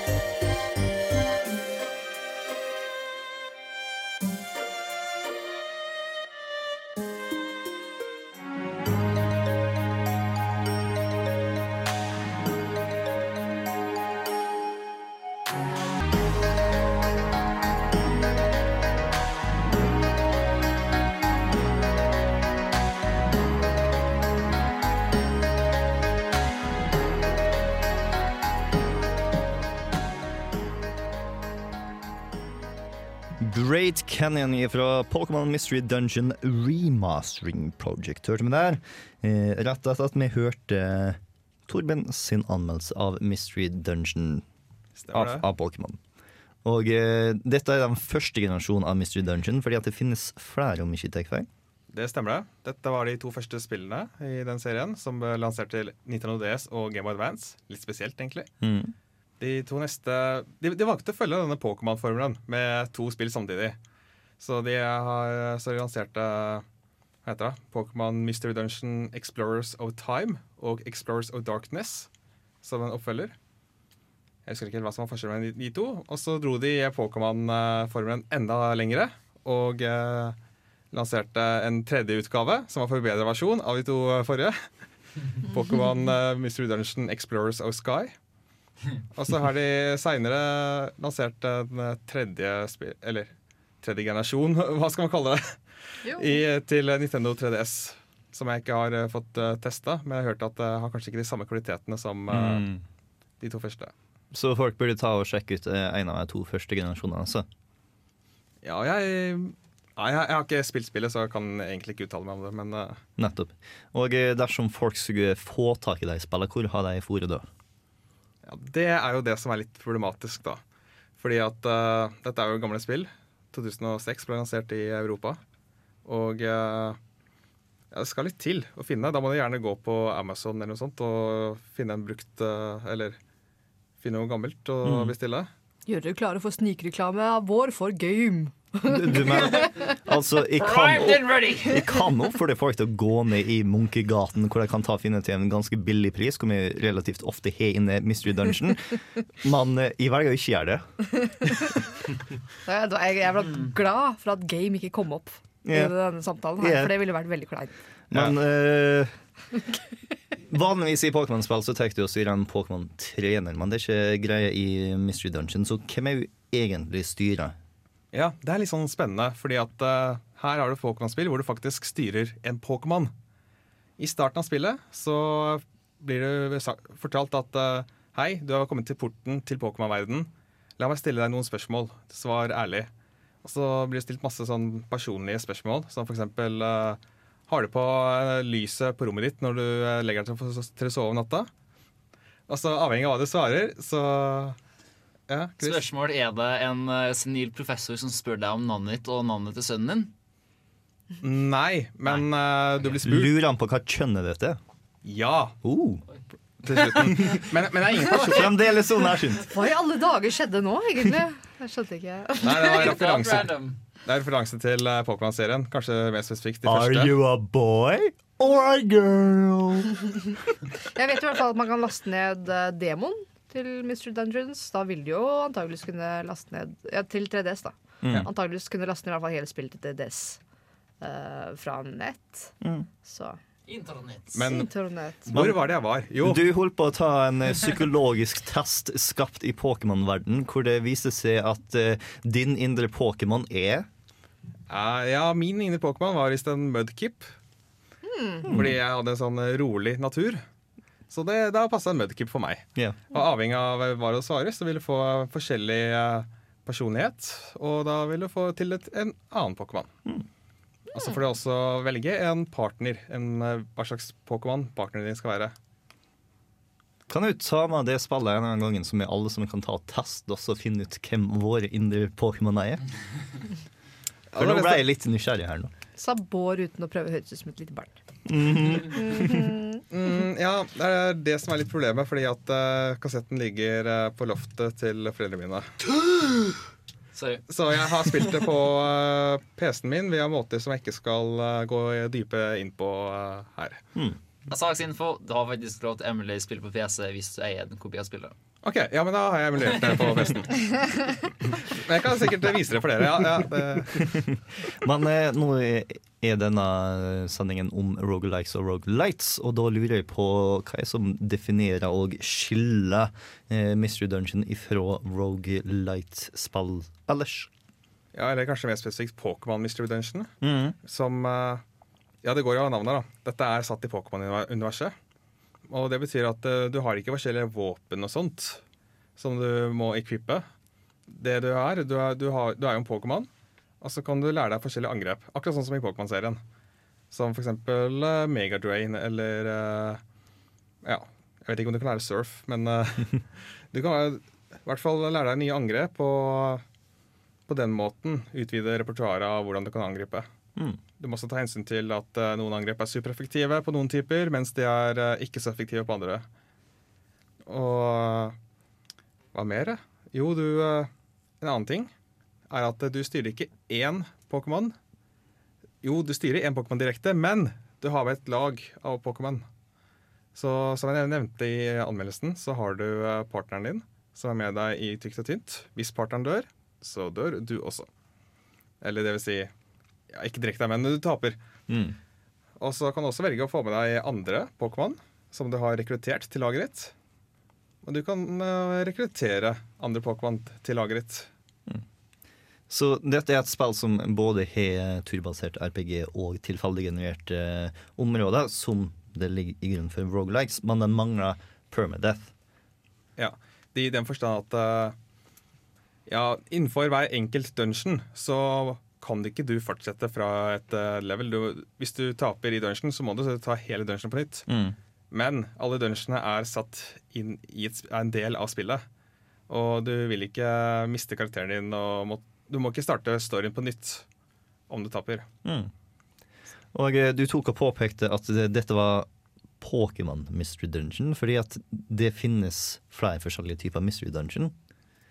Som Ja. eh, jeg syns faktisk var litt interessant når jeg tok og researcha litt uh, Rogalike-spill. Fordi at det viser seg at uh, Mystery Dungeon er faktisk en relativt stor serie i Japan.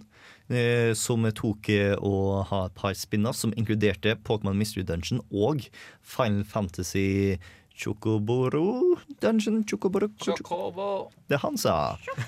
Eh, så eh, vet dere det. Ja, hva mer du, det er en siste ting som jeg lurer litt på. Du, du, du tok og nevnte at dette var det første spillet som fikk deg til å gråte. Eh, Var det fordi at noe som skjedde i historien, eller noe som skjedde i gameplay som fikk deg til å gråte?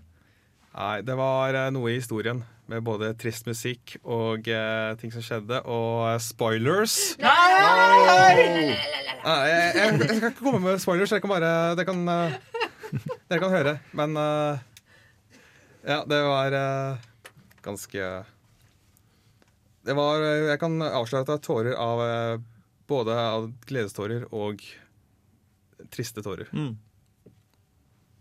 Så Pokémon Mystery Dungeon, som dere kan finne på Amazon og andre steder hvor de selger brukte spill, spesielt i en rimelig pris. Eh, vi skal ta og bevege oss videre og ta og diskutere sjangeren litt mer spesifikt, nå som vi både har fått eh, gode eksempler og en klar definisjon over hva sjangeren er. Men aller først så skal vi høre enda mer på Crypt of the Necrodancer. Dette er favoritten min, Zone 3 Level 2 Hot.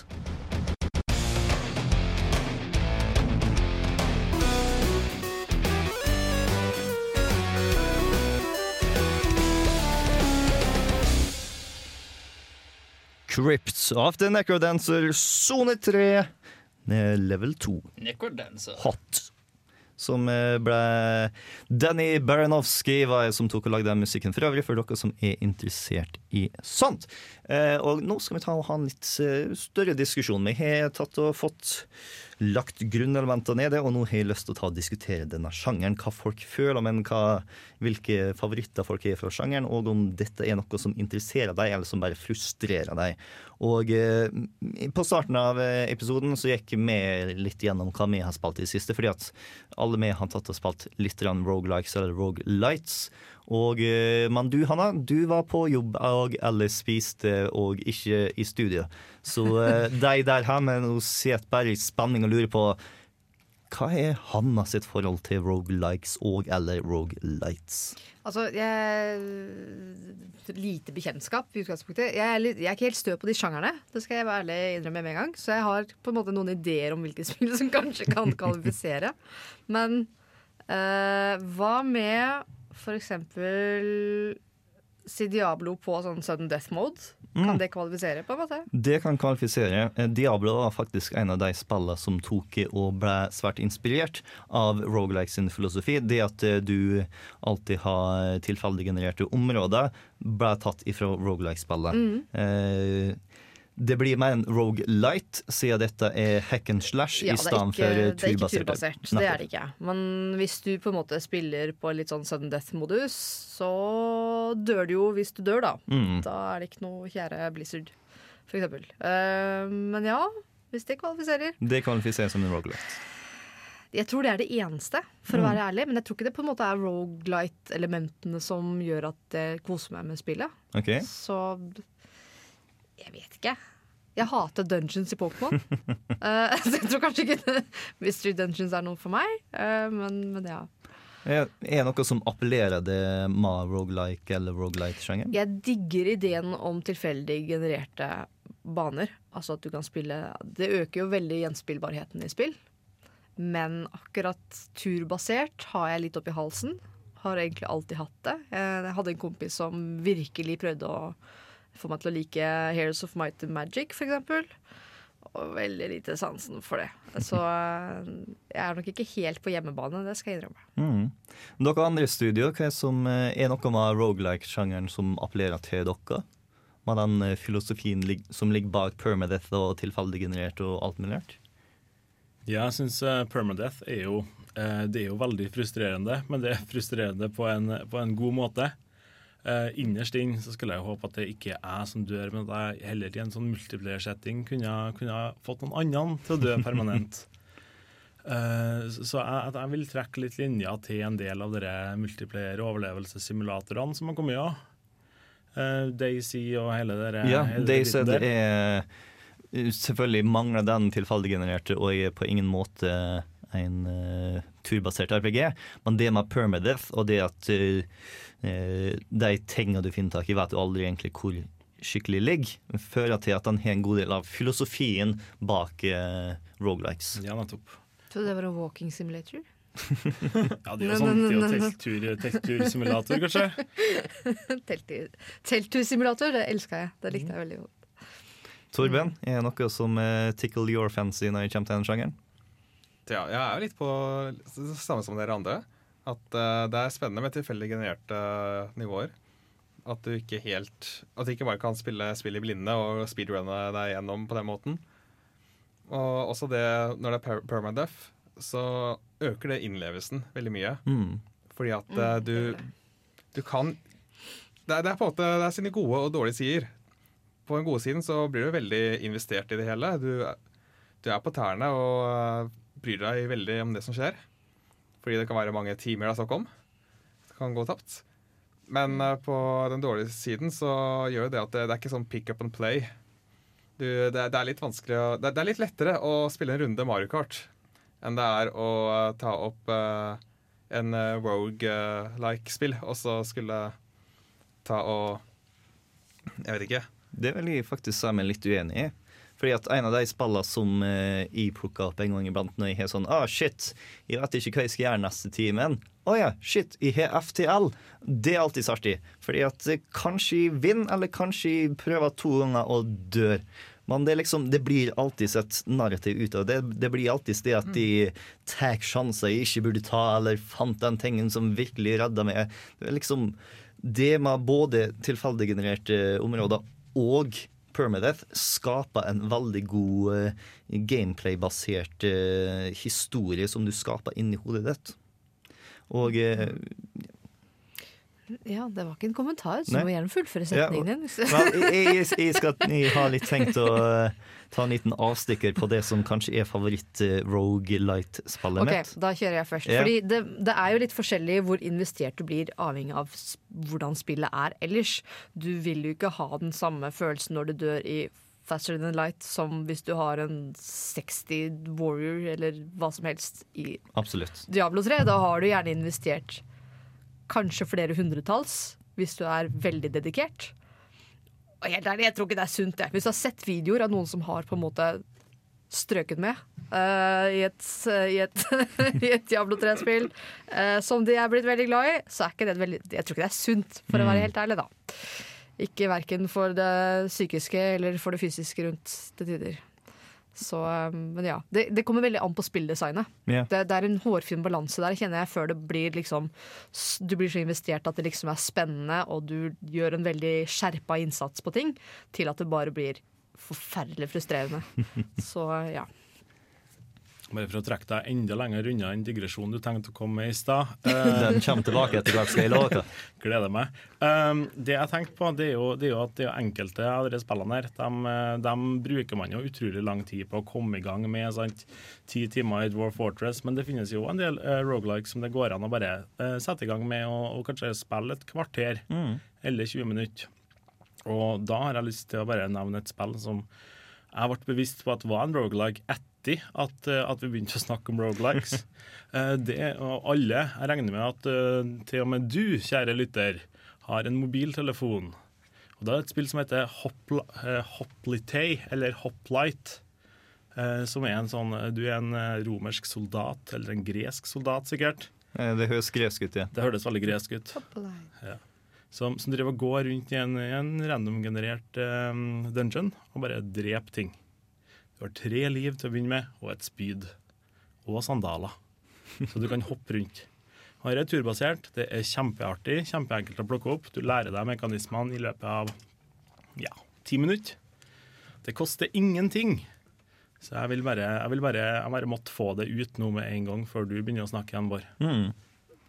Nei, for eh, det som er mitt favoritt uh, rogelite-spill, er et spill der aller, aller, aller, aller, aller fleste ikke spiller som et rogelite-spill, og det er Pokémon. Yes, jeg visste det kom. Yeah, yeah, yeah. Jeg visste det kom. For eh, måten jeg liker å spille Pokémon på, er gjennom det som heter Nusslock Challenge, som eh, tar og implementerer eh, rogelike-filosofien inn i Pokémon. Fordi at det ligger faktisk til grunne eh, i gameplayet fra før. Eh, reglene er ganske enkle. Når en Pokémon feinter i en kamp, så er den Pokémon død for alltid. Du kan ikke bruke den igjen. Den andre regelen er at eh, du kan kun fange den aller første Pokémonen som du støter på i et nytt område.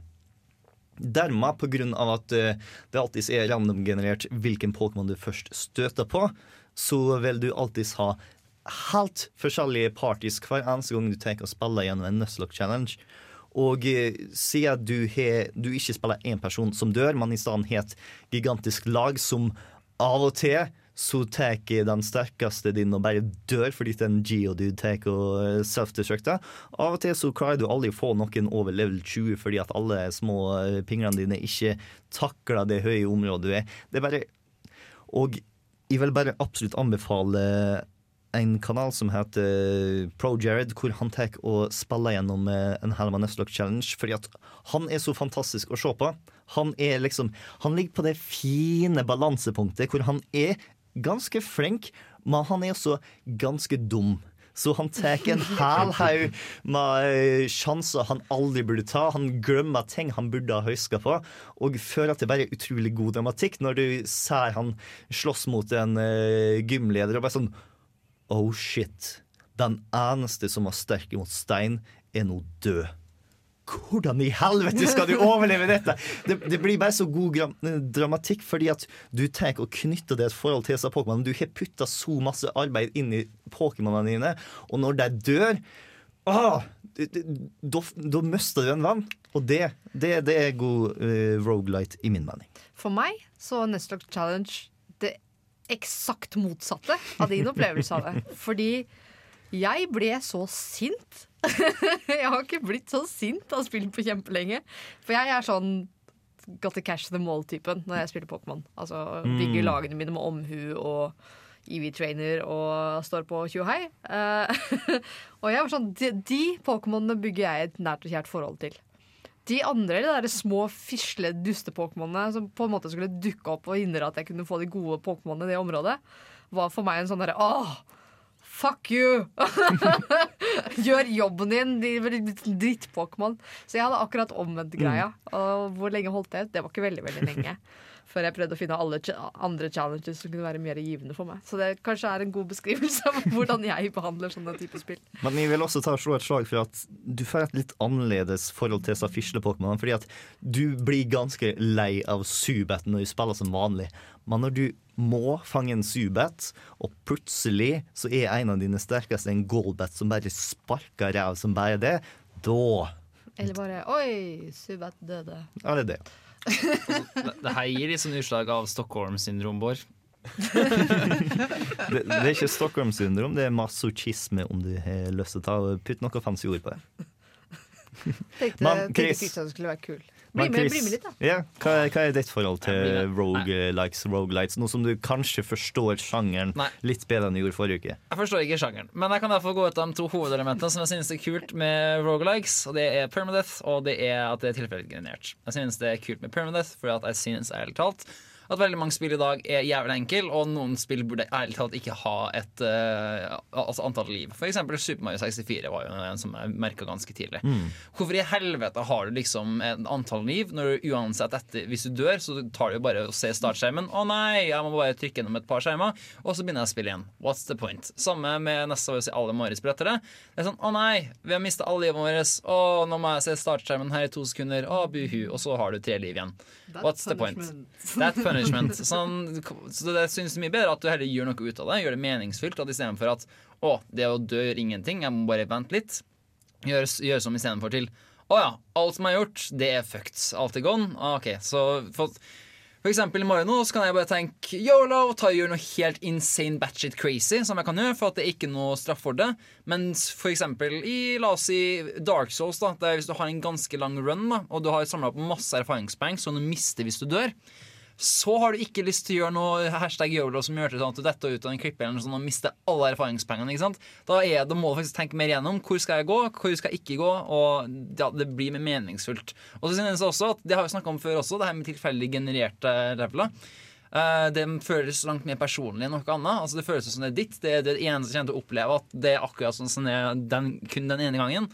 Og det er noe nytt å tilregne seg hver gang. Så spillet blir mye nyere, og spillet får ny verdi. da Det mener jeg om Rolex. Du må snakke oftere. ass. Du glemmer å puste du, når du har hatt for lang pause. Der, ja. Men når du snakker om død sånn, eh, død at det bare det har ikke noe å si. Eh, har dere spilt eh, Shadow of Mordor? Nei, ikke ennå. Jens Erik har, veit jeg. Der får du experience hvis du dør. Du blir sterkere hvis du dør. Så det- det fienden også ble sterkere? men- Ja, de blir sterkere, de òg, men du blir sterkere, du òg. Ok. Så det, det er litt som det som Chris toucha på, at, at eh, spill nå til dags, de er, de er for snille. Alt var så mye bedre da jeg var ung. Døden har blitt en erfaring rikere. Ja, Da var jeg var ung. Da en død faktisk koster 20 kroner fordi at du spilte på Arkaden. Ja, stemmer. Ja, Når vi først snakker om spill hvor døden betyr noe, så eh, har jeg litt lyst til å trekke fram Shovel Knight. Som også Ja. hadde det konseptet med at eh, Litt sånn som Dark Souls. At hvis du dør, så ja, da fyker noen pengesekker opp i været. Og hvis du greier å hente dem eh, uten å dø, så kan du hente tilbake pengene du mista. Men hvis du dør på veien dit igjen, så er de gone. Mm. Og, og det å bruke et sånt system i stedet for å ha liv, det syns jeg fungerer mye bedre enn når du i Mario ja, som sagt, ender opp med 98 liv eh, ganske fort. Det verste drit forbanna irriterende momentet med å dø i et spill, det var uh, Link Between Worlds. Fader og drittcrap-opplegg hvor du må tasse tilbake den der lilla kaninen. Og så må du si ja, jeg har lyst til å låne alle tingene dine en gang til. Og jeg må velge én og én, og så må de gi meg gi masse penger. Og så må jeg begynne på nytt igjen. Og hvis jeg er uheldig nok til å dø innen tre minutter, så gidder jeg ikke å spille mer. Men du, Hanna, da kjøpte du ikke våpnene når du hadde muligheten til det? Mm, jo, etter hvert. Ja, men det skulle jeg gjort tidligere. Jeg hadde ikke pengene til det, for jeg døde så mye. Ja, det er synd for deg.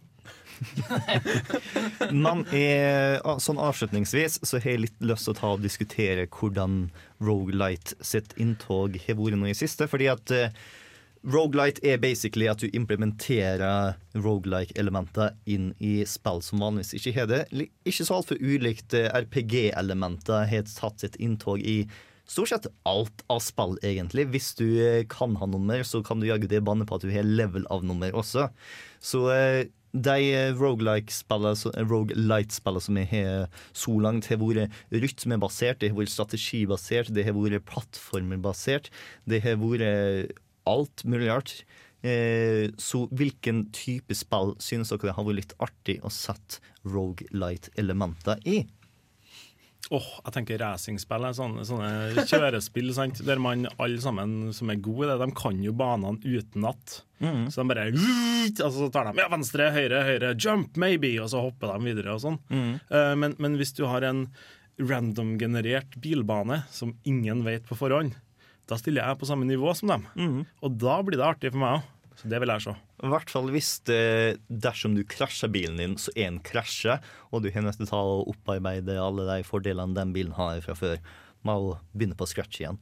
Ja, ja det òg, men, men mest det dere tilfeldig genererte. Noe som gjør at, at de som har spilt det veldig mye, de har ikke den fordelen over oss som kanskje spiller det én gang i, i en sosial setting, og så ikke spiller bilspill igjen på, på tre måneder etterpå.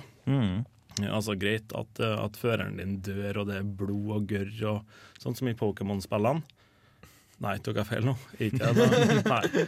Uh, eh, men, men, men det er de random-genererte greia som jeg har, jeg har lyst til å se, se i, i racingspill. Jeg vil spørre, Betraktes Tower Defense som uh, rogelike, hvis du vil? Turbasert, for det er hver runde. Og dør du, så må du begynne helt på nytt igjen. Og waves er veldig ofte automatisk generert. Det, På kanten, men det er veldig på kanten. Det er vel ikke helt kalt det en brogelight, egentlig, men så er jeg ikke i eh, Rogelike Developer Conference fra 2008 heller. Hvis man begynner, Det var de som kom med Berlin-tolkninga som er 30 år etter at spillet kom ut! Og 30 desibel mer enn det vi trengte. Men hvis man begynner å tenke sånn at alle negative konsekvenser gjør et spill til en, til en, til en roguelike, det er jo å rykke tilbake til start i eh, Monopol. Det gjør Monopol til en roguelike, og da, da Veldig dårlig eksempel, innser jeg nå. Sånn, dersom du har havna i, dersom du har havna i fengsel og bare mista alt av aksjer, og du bare starter med like masse penger som du har til å begynne med, det har faktisk vært litt interessant, men også Hvorfor har du lyst til å gjøre monopol som allerede er sånn fem timer langt, enda lenger? Ludo har jo også sånne der du hopper oppå andre personer sine ludobrikker, så må de tilbake igjen. Og da er man jo inne på det roguelike. Men det er ikke veldig mye random generert bane i Ludo. Med mindre du lager dem selv. Ludo, ja. ja. Ludo, ja, nå kom jeg på hva det var. Herlighet. Hva har du egentlig trodd at Ludo var? Nei, jeg bare, jeg veit ikke. Brettspill som sitter sånn de, Jeg vet jo veldig godt hva det er. Jeg bare Ja. har ikke tenkt på Ludo på veldig veldig lenge. Og så kom jeg på at ja. Men hvis du tar Monopol, og hvis du tar og forandrer navnet på alle plassene du kan kjøpe i løpet av spillet, og forandrer prisen på dem, er det da en hva, Jeg tror vi kan holde på sånn veldig lenge. Altså, hvis du da i tillegg implementerer den hvis du er i fengsel, så eh, må du starte på nytt eh, regelen som jeg kom med. Så er vi ganske nært en roguelike, roguelite, i hvert fall. Det er fint lite av RPG-elementer inn dit nå. Har vi akkurat oppfunnet en roguelite? Jeg, jeg tror vi har oppfunnet den eh, minst tilgjengelige spillet siden Dwarf Fortress. Antakeligvis det som ville stolt dårligst, dårligst av alle monopolbrettene i historien. Men eh, ja. Nå må du slutte. Men det er turbasert. Ja. Oh. Oi! Oi! Oi! Yeah. Er det da en roguelike? Eller er det en, Mangler rollespillelementer. men er det en rouge light? Nå, nå, nå, den, den har jeg egentlig lyst til å ta og diskutere litt, fordi at jeg føler at oss nordmenn sliter veldig masse med forskjellen på å skrive Rogue og Rouge, av en veldig forståelig grunn, egentlig. Fordi at eh, sånn du skriver Rogue er R-O-G-U-E, mens Rouge er R-O-U-G-E. Og eh, når jeg tenker på de ordene, så tenker jeg at Rogue Da skjer det fint lite bak E-en, så da putter jeg mesteparten av bokstavene før G-en. Og så kunne det være noen eksempler hvor du driter deg ut hvor det ikke hadde vært så morsomt å skrive feil. Eller du kan ta en kryss og skrive at 'jeg er faktisk ikke helt sikker på det Rouge-greiene', jeg. Altså, de sier jo rogue. Ikke, ja, men, ja. Jeg er helt enig. fordi Men kjære lytter, bare si R-O-D-G-U-E E når du treffer Jens Erik eller Bård, så bobler de deg ikke. Rog. Det gir ingen mening. R-O-G-U-E. Nei, R-O-G-U-E. Der har du det. Det går bra. Nå vi- tror jeg kanskje vi slipper Chris ut. Men vi plages jo, vi plages jo med å skrive navnet på, på sjangeren, og det er jo bare med å definere videre hvor, hvor forferdelig denne sjangeren her er, at vi ikke med klarer å stave den rett. Tilfeldig generert bokstavsammensetning. ah, nå, nå forestiller stille meg bare en rogelike-bok hvor alle ordene er sånn tilfeldig generert, og hver gang du lukker boka, så begynner den helt på nytt. oh, dammit! Hvor var jeg? Nei, nei, OK. Bokmerker er ut. Å ja, ja. Bokmerket strider så langt imot den filosofien som det i hele tatt er mulig å få. Men eh, jeg tror vi tar og runde av diskusjonen om eh, rogelikes og rogelights. Jeg håper dere der hjemme koste dere. Forsto kanskje litt mer hva denne sjangeren, eller de to forskjellige sjangrene, var enn før vi begynte med denne episoden. Overhodet ikke. Hvis vi har gjort det verre, så beklager jeg. Men eh, alle de spillene som jeg har anbefalt, er verdt å teste ut. Så dersom du liker å ha en skikkelig game over, dersom du liker å ta og spille et spill du ikke har sett skikkelig før, så burde du ta og sjekke det ut. Spesielt vår monopol. Den jula. Spe spesielt vår monopol. Du har ikke lov til å ta patent på den. Vi skal ta og sette oss ned, utvikle den og eh, erobre verden. I mellomtida så skal du få høre litt på Rockman ifra Faster Than Light.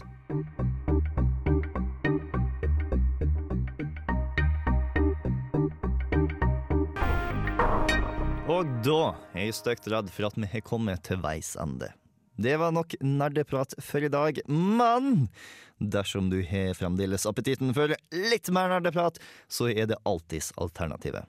Du burde som vanlig ta og sjekke ut artikkelen vår på dusken.no, hvor vi har lagt ut linker til masse snacks, blant annet Extra Credits sin video om rogelikes, IGN sin gjennomgang av Persona 5-traileren, og selvfølgelig linker til musikken som er spilt av i dagens sending. Eh, Du kan også ta og nå oss på sosiale medier og alt mulig rart. Vi er Nerdeprat på Facebook, vi er Nerdeprat på Twitter, vi er Nerdeprat på Instagram. Vi er, du kan nå oss på nerdeprat.radiorevolt.no, og det temaet noen som har klart å nå oss. Man bare skriver 'nerdeprat' på en pakke og legger den utenfor bygget vårt. Så nå har jeg faktisk litt lyst til å ta og åpne og se litt på den, fordi at eh, alt jeg vet om den, er at den er rimelig stor. Jeg klarer å løfte noe sånt, men den tikker noe forferdelig. Så nå er jeg nysgjerrig, og inni så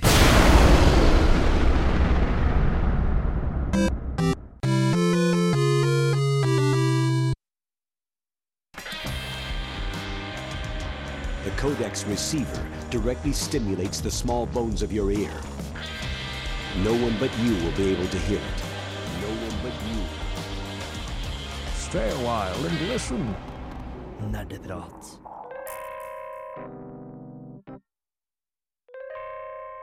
Hei folks, Chris Manson her. Denne ukas sending av Nerdeprat, spillmagasinet på Radio Revolt, er temaet spillmusikk, der vi skal reise over land og strand, ut på eventyr. Vi har vært på Skår, Trondheim Symfoni. Ha! Lurt deg! Juks, sier du kanskje, men ta og legg fra deg den Rogue-frustrasjonen din for en ny episode om Score, der Trondheim Symfoniorkester har spilt spillmusikk i storformat med et helt orkester. Kjem først neste uke, for Score har ikke skjedd noe. Vi skal på det etterpå, vi. Hohoi. Ahem. Men i mellomtida skal du lene deg mot internettingsmomsen din og nyte følgende spillåt. London Filharmonika med Tetris Theme A.